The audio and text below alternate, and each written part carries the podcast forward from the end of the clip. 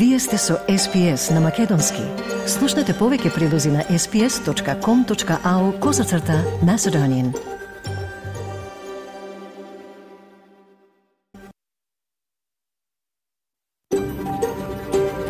SBS, a world of difference.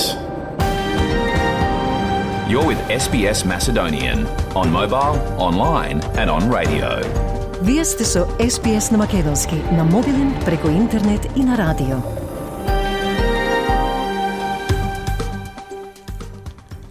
СБС им оддава признание на традиционалните собственици на земјата, од која денеска емитуваме програмата на македонски јазик. Со ова изразуваме почит кон народот Боронџери во Иворанг, припадниците на нацијата Кулин и нивните минати и сегашни старешини. Признание исто така им оддаваме на традиционалните собственици на сите земји на абориджините и народите од Торе Стрейт островите, од чија земја ја слушате нашата програма. Добар ден, денес четврток, 4 јануари 2024 година, со вас ке биде Васе Коцев. Како и по обичај, Програмата ја започнуваме со најновите вести од Австралија и светот, а веднаш по нив и редовниот извештај од Македонија со најновите настани, каде една вест вели дека лидерска средба помеѓу Ковачевски и Мицковски нема да се одржи пред Божик. На домашни австралиски теми На 29 декември беа објавени кабинетски документи за 2003 година. Тие покажуваат како кабинетот на Џон Хауард брзо ја одобри контраверзната одлука да се приклучи на американската инвазија на Ирак. Имаме и за тоа поопширен прилог.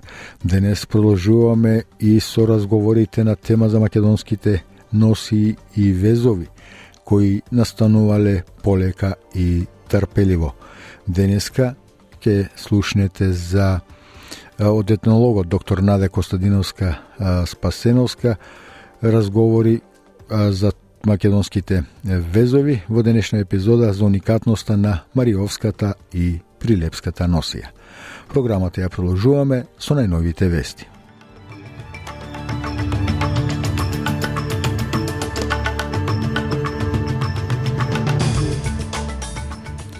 Од денешниот билтен вести издвојуваме. Палестинските австралици ја повикаа федералната влада да го поддржи случајот за геноцид на Јужна Африка против Израел пред меѓународниот суд. Украина и Русија учествуваат во најголемата размена на војни заробеници од почетокот на конфликтот. Лидерска средба меѓу Ковачевски и Мицковски нема да се одржи пред Божик. И од спортот, Алекс Деминар го изненади светскиот рекет број 1 Новак Џоковиќ, победувајќи го, а со тоа Австралија се пласира во полуфиналето на Юнайтед Купот. Слушајте не.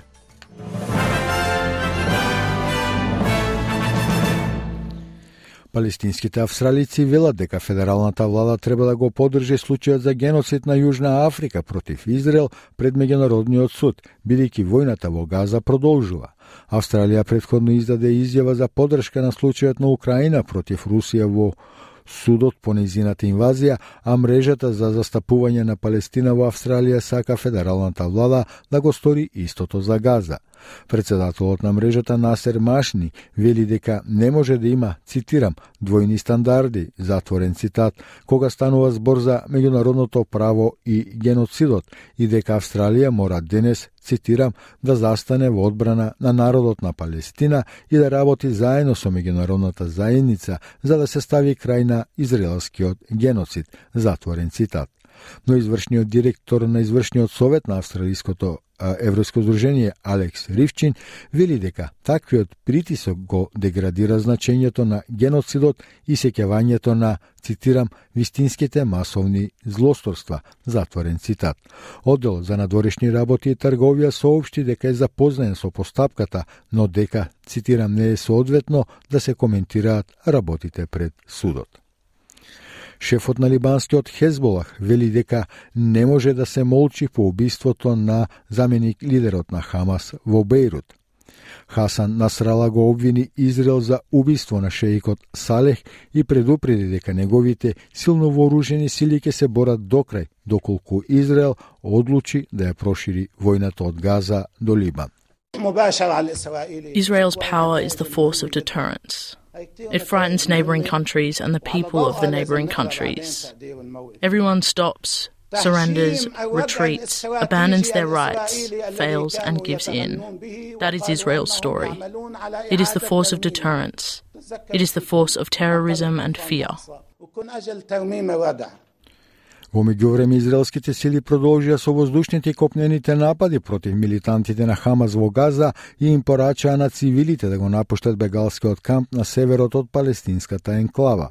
Израел кој рече си го уништи појасот Газа во обид да ја уништи владеачката група Хамас, ниту потврди, ниту негираше дека го уби Салех Арури во напад со беспилотно летало во либанската престолнина во вторникот. Но нејзиниот воен порт парол рече дека израелските сили се во состојба на висока готовност и подготвени за секој сценарио. Австралиската влада подпиша заедничка изјава во која повикува на итен прекин на нападите во Црвеното море, тврдејќи дека нарушувањето на трговијата се заканува на невини животи.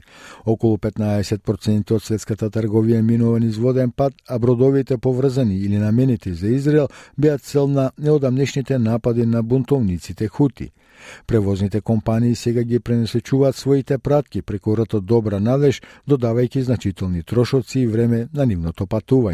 Директорот на Алијансата за товари и трговија, Пол Залај, изјави за ABC радио за тоа што значи блокадата за трговијата, додавајќи меѓу другото дека ќе има доплати за дополнително потребно гориво и други такси, како изголемени цени на превозот. I think what we're going to see, an immediate thing that you will see if you are importing your leather lounges or your cheeses or these things, at minimum, you're going to have that extended delay, um, but you will have increased costs. There'll be surcharges put in for the extra fuel required, and we're seeing um, other fees as well and, and increased freight rates. Um, so uh, importers and exporters will definitely be feeling the impact of it. Um, but with the alternate route of going around the Cape of Good Hope, um, there is an alternate path. Околу 50 припадници на одбранбените сили се очекува да пристигнат во југоисточен Квинсленд денеска за да помогнат во масовните напори за чистење по лошите временски услови што ја погодија областа минатата недела. Дождот конечно се намали, дозволувајќи им на напорите за обновување да влезат во полна сила, при што на локалната екипа на СС веќе им се придружија засилување нов Јужен велси и Викторија. Заменик комесарот на службата за етни случаи во Квинсленд, Кевин Волш, изјави за Канал 9 дека чистењето се очекува да продолжи со недели. The good news is today and yesterday the conditions have eased remarkably and uh, we've got some really good conditions coming into the weekend and the rest of the week. So um, it gives us a real good opportunity to get on top of uh, the recovery efforts. Pretty much every day since Christmas we've had storms, torrential rain, flooding, uh, which has obviously uh, impeded our progress. But conditions have eased today. Uh, it was good yesterday and we've got good conditions forecast for the rest of the week and into the weekend. Четири лица се опоравуваат откако беа погодени од гром во Сините планини, односно Blue Mountains, поне времето што е зафати областа достана во средата на 3 декември. Брзата помош во Нов Јуженвил соопшти дека болничарите биле повикани во зоната за наблюдување во Катумба, западно од Сидни околу 15 часот по пријави за луѓе погодени од гром. Бирото за метеорологија издаде предупредување за силно невреме со грмотевици за сините планини и предупреди на можноста за понатамошни бури во областа и големи делови од југот и југоисточниот дел на државата во четвртокот. Градоначалникот на сините планини Марк Гринхил вели дека нема моментални детали за состојбата на повредените, но верува дека тие не се здобиле со многу сериозни повреди. I guess the interesting thing about this is just how quickly the storm hit. Uh, there was virtually no warning. And as I say, the moment our phones were pinging with the uh, storm alert, it was already upon us. Uh, very severe, lots of damage to council infrastructure. So I imagine also private infrastructure across the upper Blue Mountains. Најавената лидерска средба меѓу Димитар Ковачевски и Христијан Мицкоски нема да се одржи пред Божик. Мицкоски вели дека досега нема добиено покана за средба, а во изјава за порталот през 24 му испрати порака на Ковачевски дека не прифаќа никакви тајни средби, бидејќи со него немало што да разговара тајно.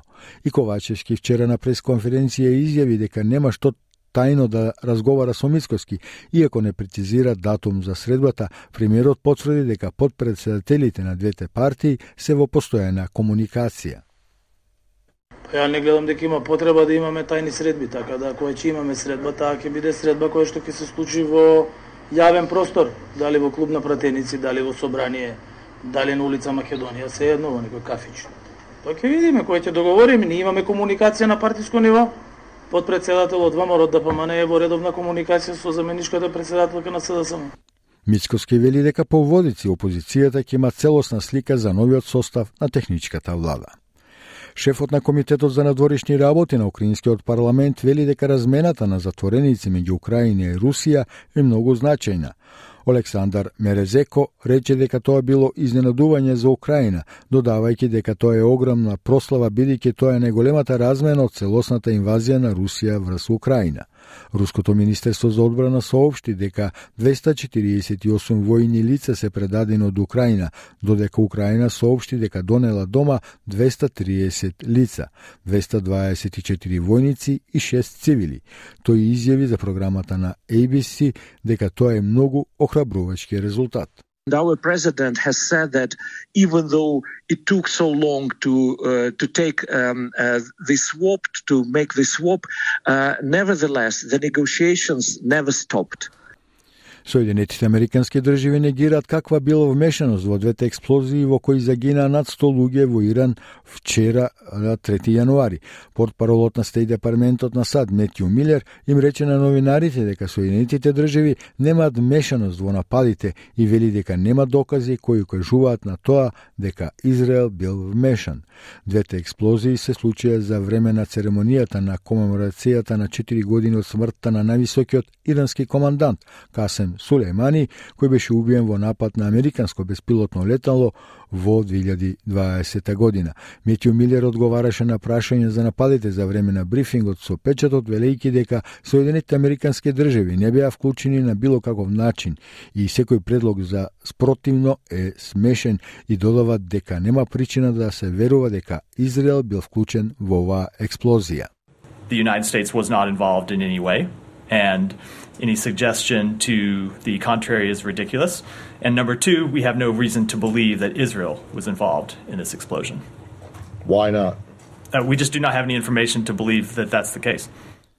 Издадена е здравствена тревога за централното градско подрече во Сиднеј, откако во изминатите три недели беа регистрирани седум случаи на белодробно заболување. Симптомите може да вклучуваат треска, кашлица и отежнато дишење, што може да доведе до тешки инфекции на градниот кош, како што е пневмонија. Болеста не може да се пренесе од човек на човек. Бактеријата легионела, која ја предизвикува болеста, често се поврзува со контаминирани, односно контаминирани кули за ладење на големи згради. Експертот за заразни болести од Универзитетот во Сиднеј, професор Роберт Буј, изјави за Канал 9 дека постарите луѓе, пушачите или оние со белодробни заболувања мора да бидат дополнително внимателни. It spreads most easily through the air from uh, water, but potty mix is possible too. That was first described in New Zealand. Uh, and that uh, too can cause a pneumonia or an influenza-like illness. Uh, uh it's uh, it's uh, a series of bacteria called Legionella, um, and they're all related to each other, and they can all cause trouble. And most commonly, it comes through air conditioning, but it can come through potty mix as well. Тениската репрезентација на Австралија успеа да се пласира во полуфиналето на Юнайтед Купот, откако Алекс Деминар го изненади светскиот рекет број 1 Новак Џоковиќ, победувајќи го во два сета 6 према 4, се 6 према 4 и донесе водство на Австралија од 1 спрема 0. Деминар разговараше со новинарите по неговата прва победа на светскиот рекет број 1. I'm never going to be the biggest or the strongest guy, so uh, I've got to adapt. I've got to show that I've got uh, variety in my game, and I've got different styles of uh, playing tennis, and I'm glad I was able to to bring uh, this level today. Во меѓувреме, Ајда Томљановиќ исто така обезбеди победа за Австралија и пласман во пол, полуфиналето, откако со 2 спрема 0 во сетови ја победи српската репрезентативка Наталија Стевановиќ.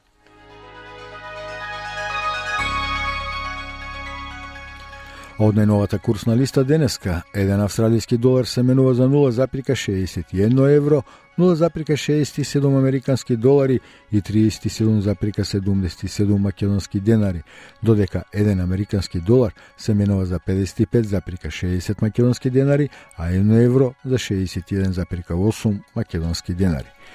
И за крај од вестите временската прогноза за поголемите градови во Австралија утре петок, 5 јануари.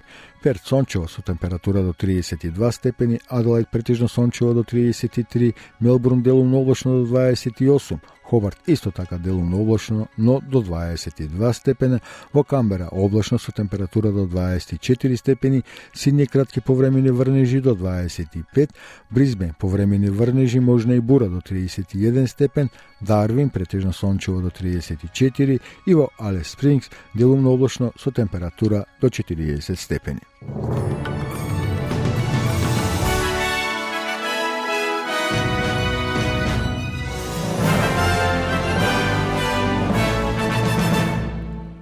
На програмата на македонски јазик на СБС радио ги слушавте најновите вести. Денешните вести можете да ги најдете подоцна во текот на денот на нашата Facebook страница SBS Macedonian или на веб страницата sbs.com.eu косацрта Macedonian.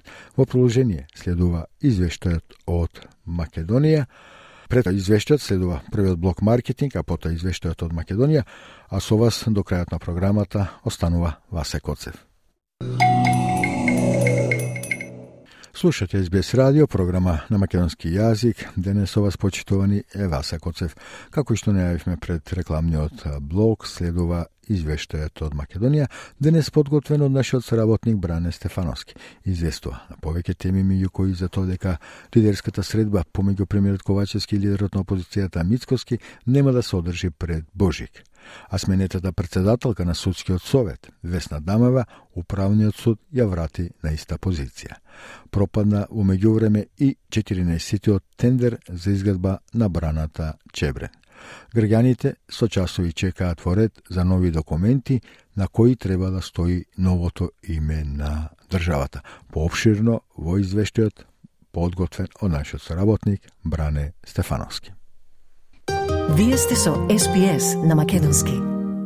Најавената лидерска средба меѓу Димитар Ковачевски и Христијан Мицкоски нема да се одржи пред Божик.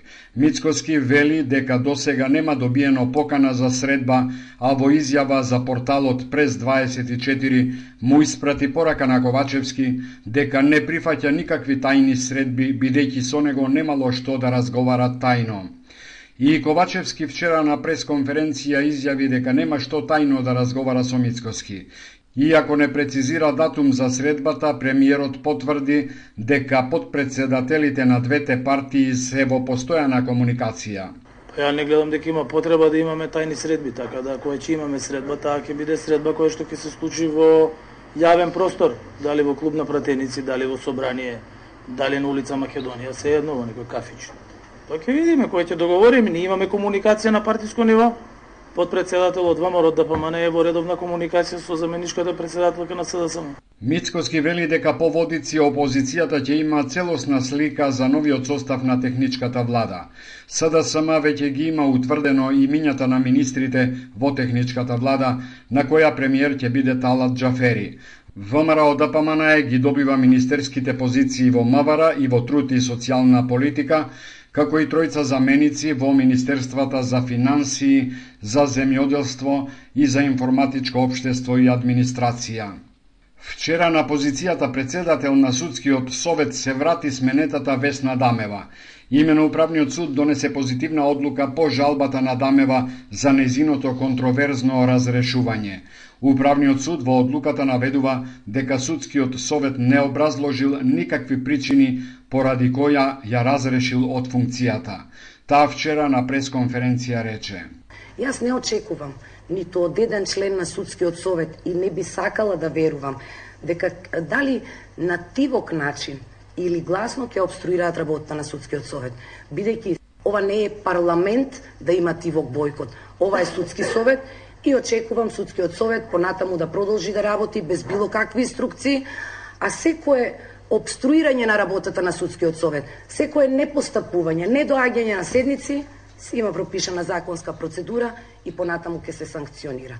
По пресудата судскиот совет нема право на жалба и треба да постапи во рок од 30 дена. Веднаш по разрешувањето на Дамева се појавија шпекулации дека држењето во фиока на пресудата за Сашо Мијалков од страна на судијата од Скопската апелација Енвер Беджети е веројатната причина за скандалозните случувања во судскиот совет, кои кулминираа со незаконската смена на председателката Весна Дамева. Разрешувањето на Дамева дополнително го наруши кредибилитетот на судскиот совет, за кој имаше повеќе реакции во јавноста, а беше испратена и оценска мисија од Европската Унија, која даде 40 препораки за подобрување на функционирањето на судот, во кој беше нотирано дека нема напредок во правосудниот систем во Македонија, а судскиот совет беше издвоен токму поради контроверзното разрешување на председателката Весна Дамева.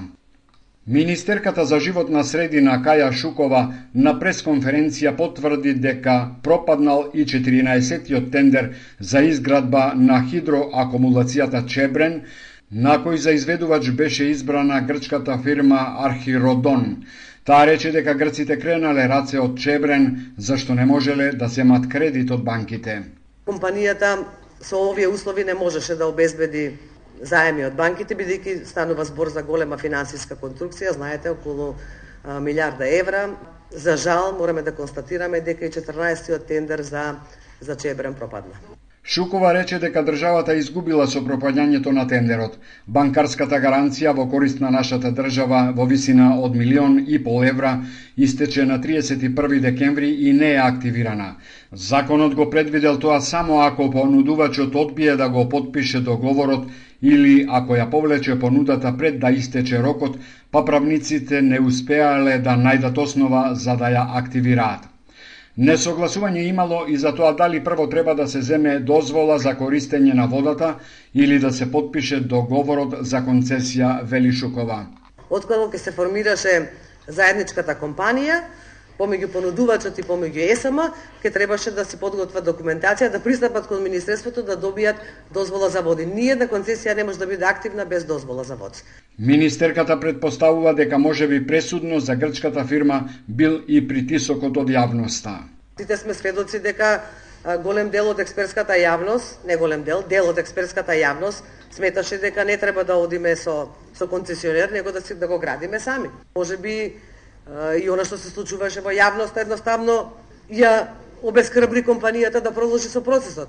Шукова упати апел до енергетичарите да размислат дали да се распише нов тендер или хидроцентралата да ја градиме сами наспроти тврдењата на власта дека, иако грците барале нови услови, но владата не дозволила, ВМРО да ДПМН неколку пати реагираше дека биле менувани одлуките и се создала сложена ситуација која ќе прави проблеми и во иднина.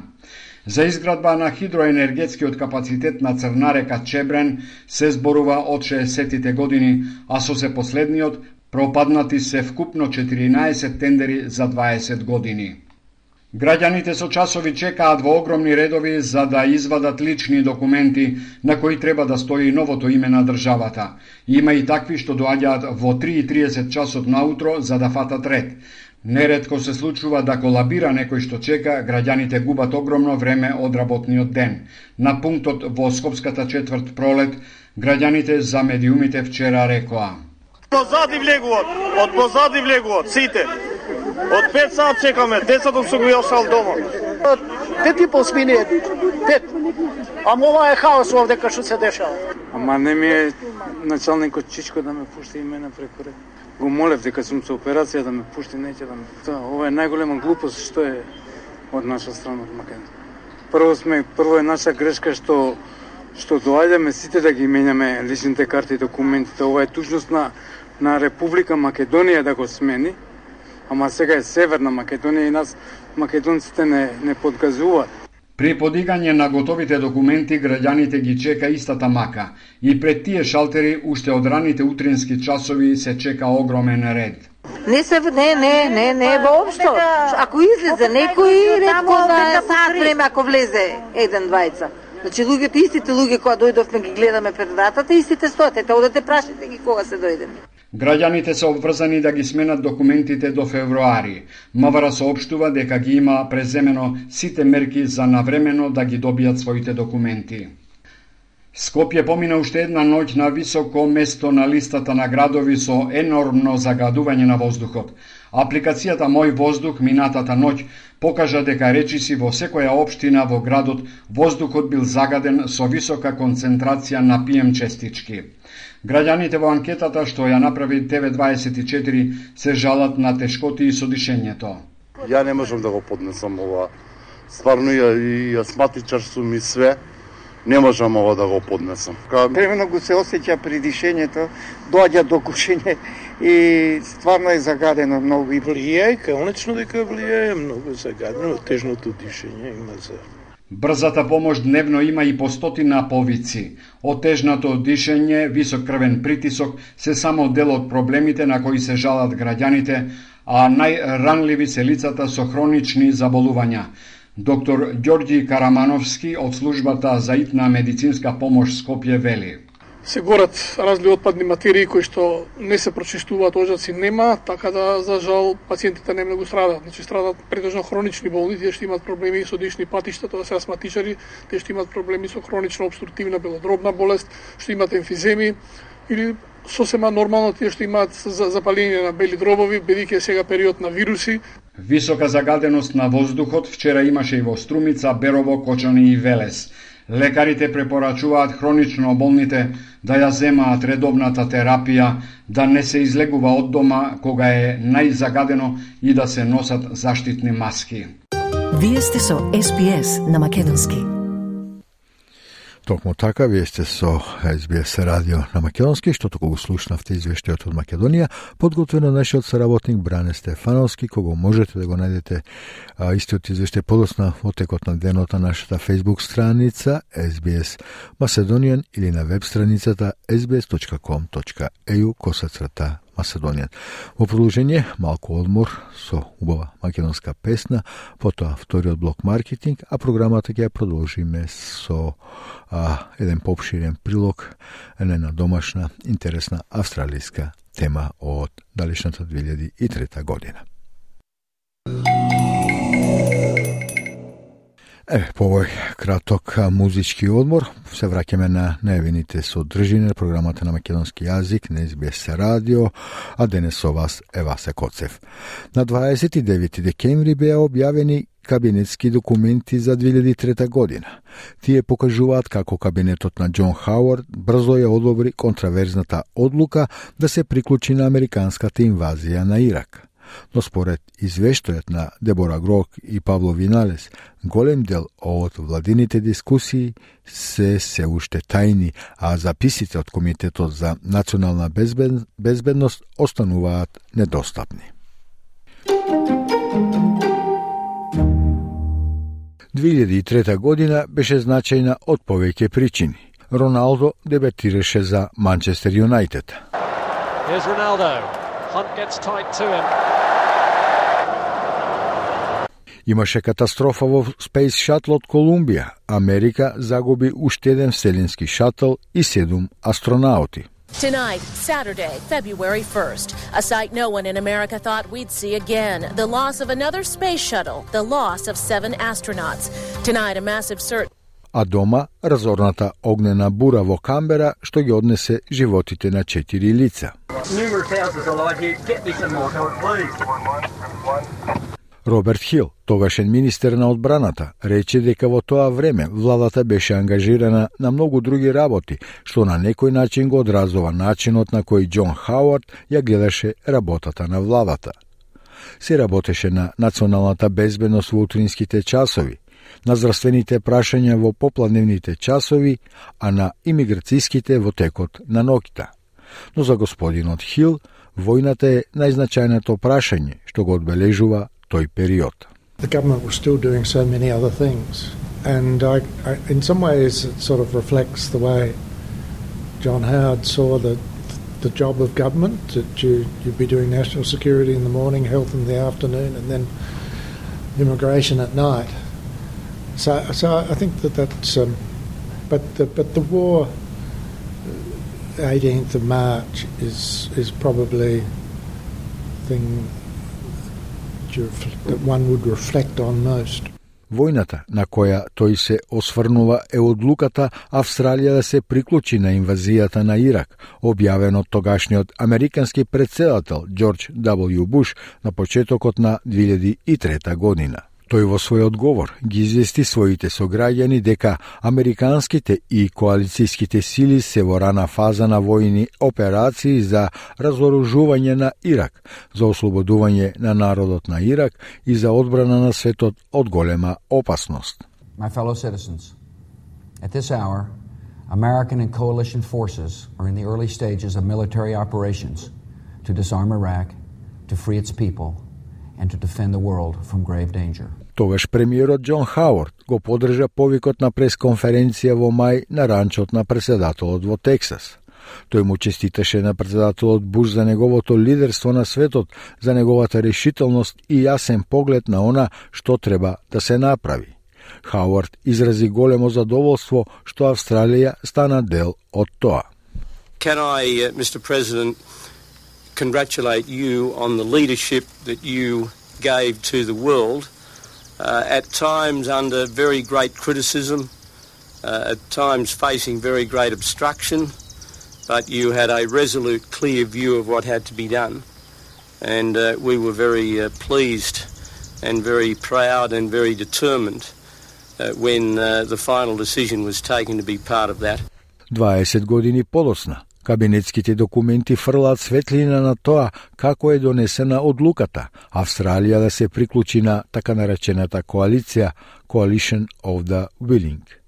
Доктор Дейвид Ли, историчар на кабинетот, вели дека документите на кабинетот се особено важни како конечно одобрение на кабинетот да одобри воена акција. What we have in this release are some documents of cabinet um, and one of those is particularly is, is very important. That's the minute of uh, 18th of March, which records cabinet's final approval uh, to endorse military action. So that is an important record, probably the most important record in the release.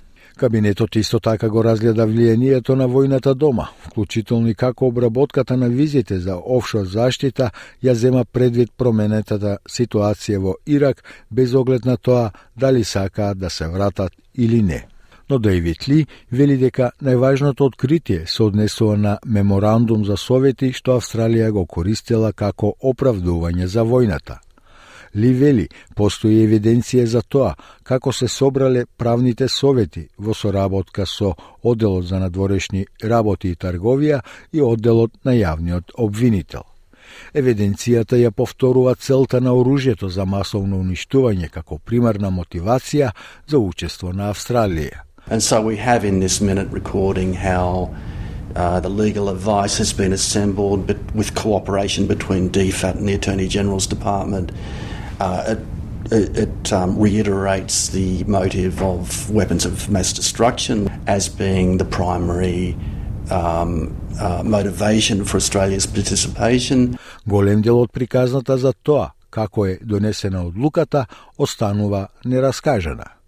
Саймон Фроуд е генерален директор на Австралискиот национален архив. Тој вели дека повеќето дискусии за војната во Ирак се воделе со неколку високи министри во Комитетот за национална безбедност. Господинот Фроут вели направени се само 334 записи во кабинетот во текот на 2003 година, а разгледани се 260 од нив за процесот на издавање. Поголемиот дел од документите потекнува од дискусиите предводени од Националниот комитет за безбедност наместо кабинетскиот процес. There were only uh, 334 cabinet records um, made during the uh, 2003 year, and we have considered 260 of those for this release process.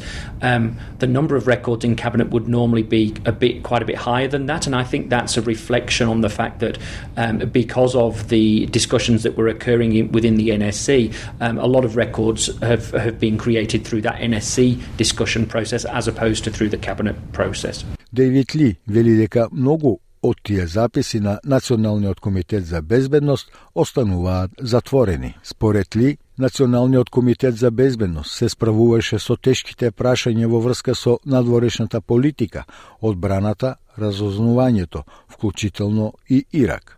Господинот Ли останува оптимист дека во догледно време ќе бидат објавени и оние записи што ќе помогнат да се даде поцелосна слика за донесувањето на одлуката Австралија да се приклучи во војната во Ирак. It necessarily did a lot of the heavy lifting in relation to matters of foreign policy, defence, intelligence, including Iraq.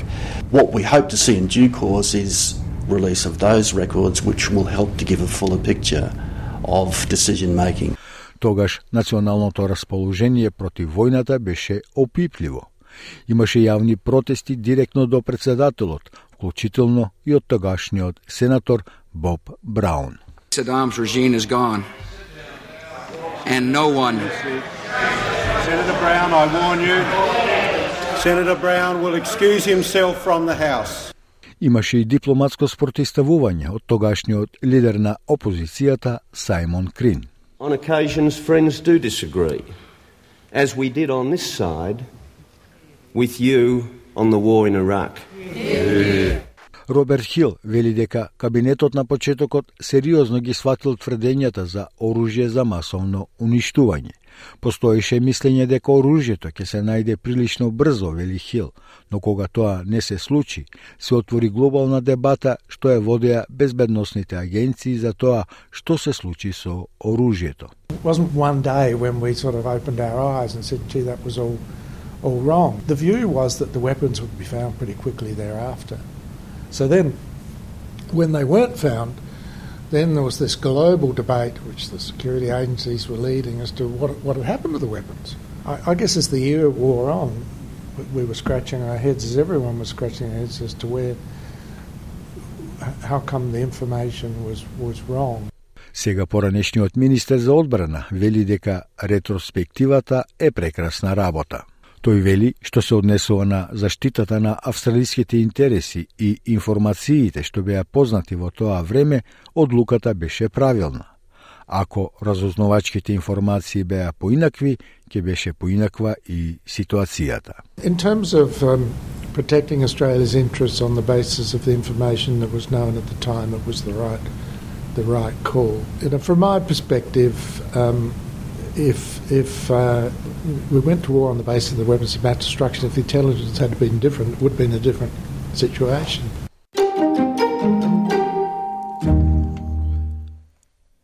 Ете на програмата на СБС радио на македонски јазик го слушавте прилогот за објавените кабинетски документи за 2003 година, односно кои покажуваат како кабинетот на Џон Хауард брзо ја одобри контраверзната одлука да се приклучи на американската инвазија на Ирак.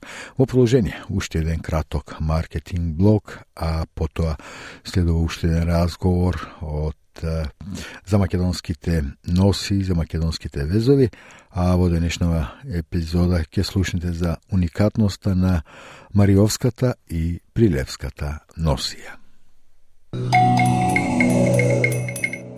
Слушате СБС радио, програма на македонски јазик. Денес со вас е Васе Коцев.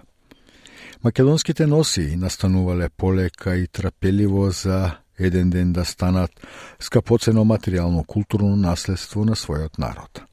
70 блескави примероци од тој изблик на народната креативност и вештина денес ги красат и витрините на Музеот на Македонија во Скопје. Етнологот доктор Наде Костадиновска Спасеновска од истиот музеј ни серијата од 10 разговори со колешката Маја Талеска под наслов Македонски везови раскажуваат за ова уникатно македонско фолклорно богатство. Во денешнава епизода за уникатноста на Мариовската и Прилепската носија.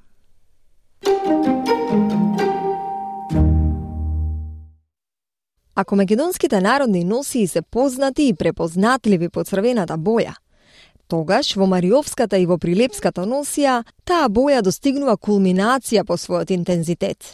Иако тешки поради 45 килограмскиот коцал, што невестата требало да го носи до раѓањето на првото дете, носењето на носиите било предмет на гордост и манифестација на незините вештини.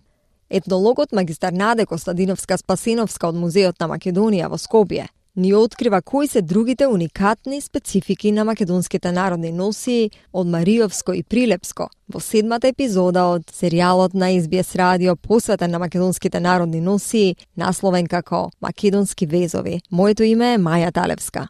Слушајте не. Најтешката носија оваа Мариовската носија Еве може да видите колку е богата претежно, мислам, целата со ал црвена боја, да, много има слоеви. многу слоеви и а, ску, скутината чултарот е со неколку реда на, на, на богати реси, густи реси во црвена боја.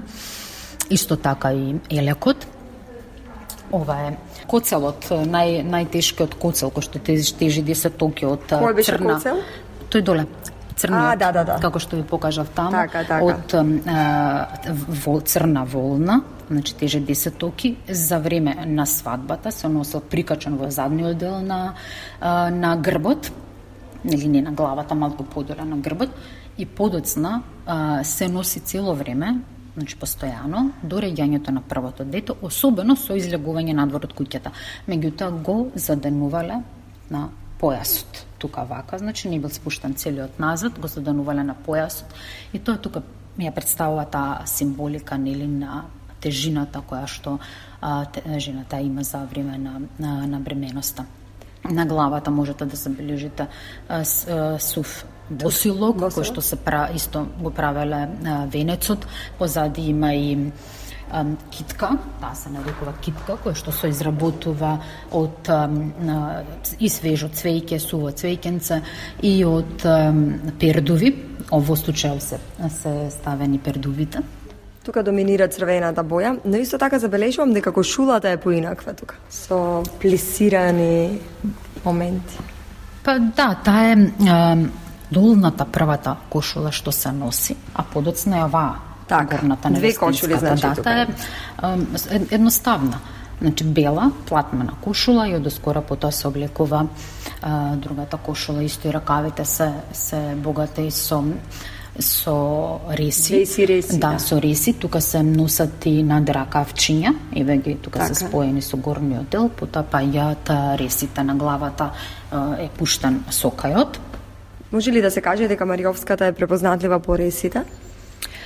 Па да, ги има најмногу по ресите и по а, најаката црвена боја, Така, најинтензивна. Да, да. А дали машката Мариовска е специфична? М, Не се разликува премногу од останатите, може би по елекот, кој што е во црна боја и со Црвен богат вес. црвен вес. Да. А Другото клиновите на кошулата се исто така богати, појасот е Стандарден. Да, така да. Машките се поедноставни.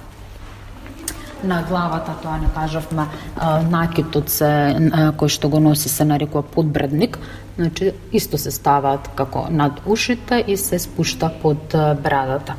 И тоа е специфичен за одредени региони. Дали е ова исто од Мариовскиот? Та е прилепска А, а, прилепска. носија, исто така, значи во првите, да речеме, потежена носија кои што се е Мариовската, Прилепската, Битолската носија. Прилепската исто така е со црвена црвена боја, Интензивна црвена. интензивна црвена ал боја со а, многу реси, скотината кај нив кај а, Прилепската е малку поразлична од другите, гледате како се истакнува а, долниот а, дел, значи излегува Како од правата линија да, така. на, на скотината, да се нарекува а, чултар. И другото е исто со богат вес на ракавите, долниот дел на долницата. Еве тука има еден а, вес кој што е дел од кошулата, са може би не од оваја, меѓутоа од а, друга битолска а, кошула. И чорапите се во еден препознат Баклавички има тука, македонски вес со баклави, да. Со баклави. Ето тука исто. Дали ова невестинска или- Невестинска, забрадена е ем, поинаку, нели? Да, забрадена, да. Овдака е од поречието со малку по портокалови нијанси, да речеме, на, на скутината, па и на везот. А, Овдака е дури и не се до толку за разлика од други делови од поречието кои што знаат да бидат со истакната портокалова Така. и жолтеникава нијанса. Овде кај на нашата што е представена е специфично и у, убрусот кој што се носи на на главата, значи со како прекривка, како прекривка на невестата. И тоа е доста изгледа дебел и тежок. Да, тие се исто ткаени, дебели и со каите и убрусите, дарпните се, потенки како еден вид на нели марама да речем. Кошулата е интересна, плисирана и не е толку едноставна. Сепак и таа е платнена бела кошула, така. долната, основната, а од згора е Добро знаеле да ги скоординираат да, да, да, имале многу естетика, значи за ете така како ќе речеме на пример за разлика од денес кои што се нели образуване и сето тоа со технологија со разни можности кои ги имаме во минатото луѓето не биле образовани по школите, може би само машките, ете, например, во основните е, неколку оделенија, меѓутоа сепак се воделе од своите инстинкти. Инстинктни од да. тоа што го Чувството за естетика, нешто што се пренесувало. Меѓутоа да. сепак тоа е навистина и за пофалба и воодушевувачки да. кога ќе ја погледнеме било која носија вака во целост па и елементи кои што ги изработувале, како што се и килимите и другите предмети во, во секојдневието, и везените ткаените, тоа се навистина пребогати. Многу стилизирано, не баре некој професионалец да, ги стилизирала, да, да. тоа биле да, да обични едноставни луѓе. Да, да, да. Рековте дека Мариовската, Прилепската, Битолската се најтешки. Колку рековте дека тежи? Мариовската е 45 килограми, да со сите тие елементи како за носија, тежи 45 кг. Дали ги носеле овие носи невестите без разлика дали било лето или зима, тоа било да, стандардно? Да, да, да, меѓутоа тоа е тоа е природен материјал, на пример не е како што ние сега ќе го видиме, леле колку многу било тоа на незе, сигурно так. се препотувала или нешто, меѓутоа тоа е природен природна волна, лен било пријатно да се носи. Лете, так. дава ладно, зиме топло, Има така изолацијски да, изолацијски, така да било пријатно во секој поглед за носење, меѓутоа не само пријатно било а, и задоволство да се носи сето тоа невестата која ќе се облекла се гордеела со тоа што го носи носи на незе затоа што нели стигнала до тој период на зрела жена кај што ќе може цел свет да ја види, да речеме и да да се воодушевува со себе си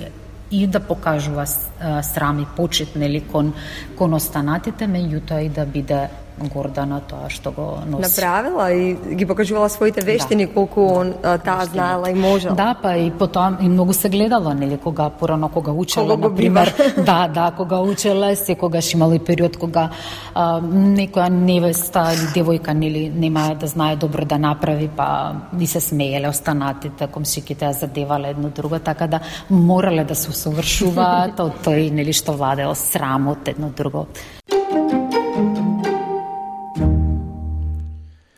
Ете, тоа беше разговорот а, што колешката Маја Талеска го водеше со етнологот доктор Наде Костадиновска Спасеновска од Музеот на Македонија во Скопје разговара за македонската носија од серијата разговори Македонски везови, а во денешнава епизода слушавте за уникатноста на Мариовската и Прилепската носија. Овој разговор, почитувани, како и комплетната наша програма со вестите, извештајот и другите прилози, можете да ги најдете доколку ја посетите нашата Facebook страница SBS Macedonian или нашата веб страница sbs.com.eu косацрта. Macedonian. Секако тамо ќе ги најдете сите интервјуа, прилози и видеоклипови на теми кои што се однесуваат на македонската заедница. Полека се ближиме до крајот на денешнава програма. Уште нежа да се подсетиме на најважните настани на денот.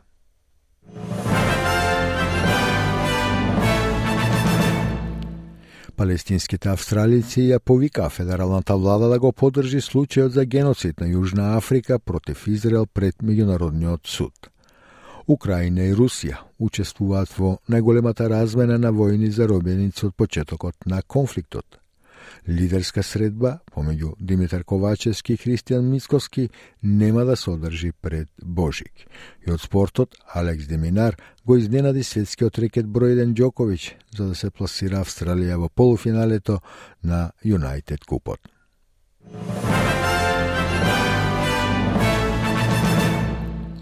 Со тоа, почитувани слушатели, стигнавме до крајот на денешнава програма. Денес со вас беше Васе Коцев.